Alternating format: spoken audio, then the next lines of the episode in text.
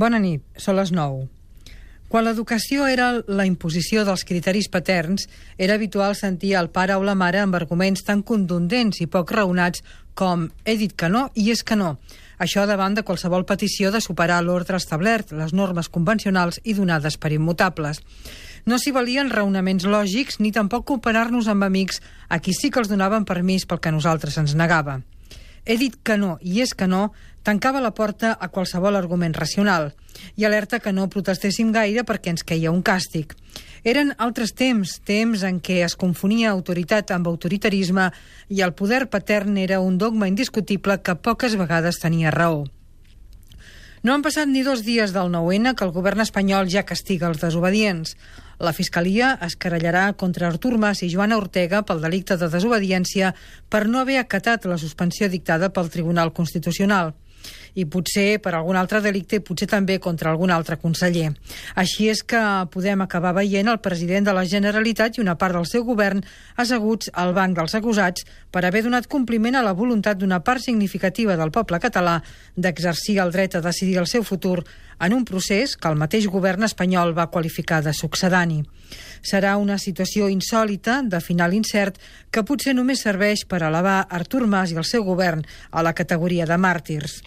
La iniciativa de la Fiscalia sembla respondre a les ordres directes del govern espanyol, de qui depèn orgànicament, i sorprenentment l'anunciada abans que es produís Alicia Sánchez Camacho. Una cosa és que el govern ordeni a la Fiscalia que actui en un cas com aquest, i una altra és que sigui la representant d'un partit polític sense cap càrrec governamental qui ho anunciï.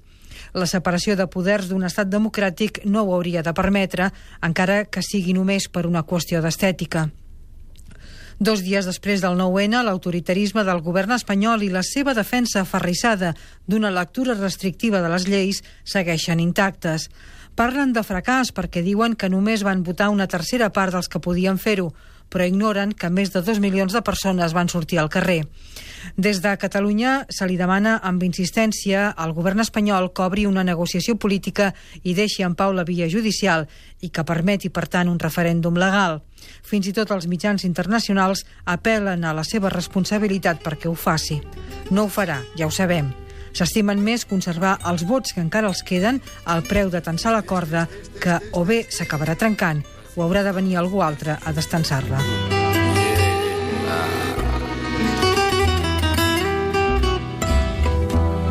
Oye la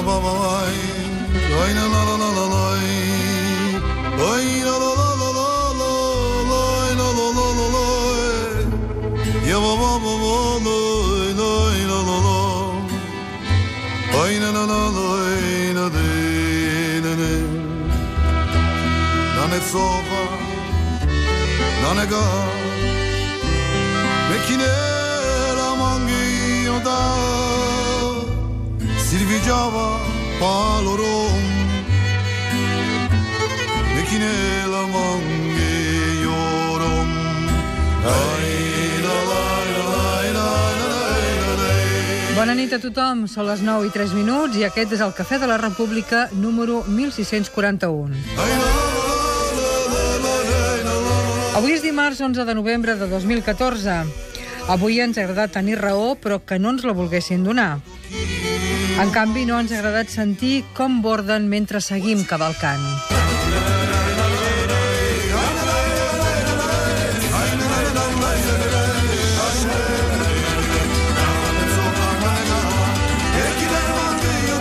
El Cafè de la República. Catalunya Ràdio. Amb Melisa Homedes.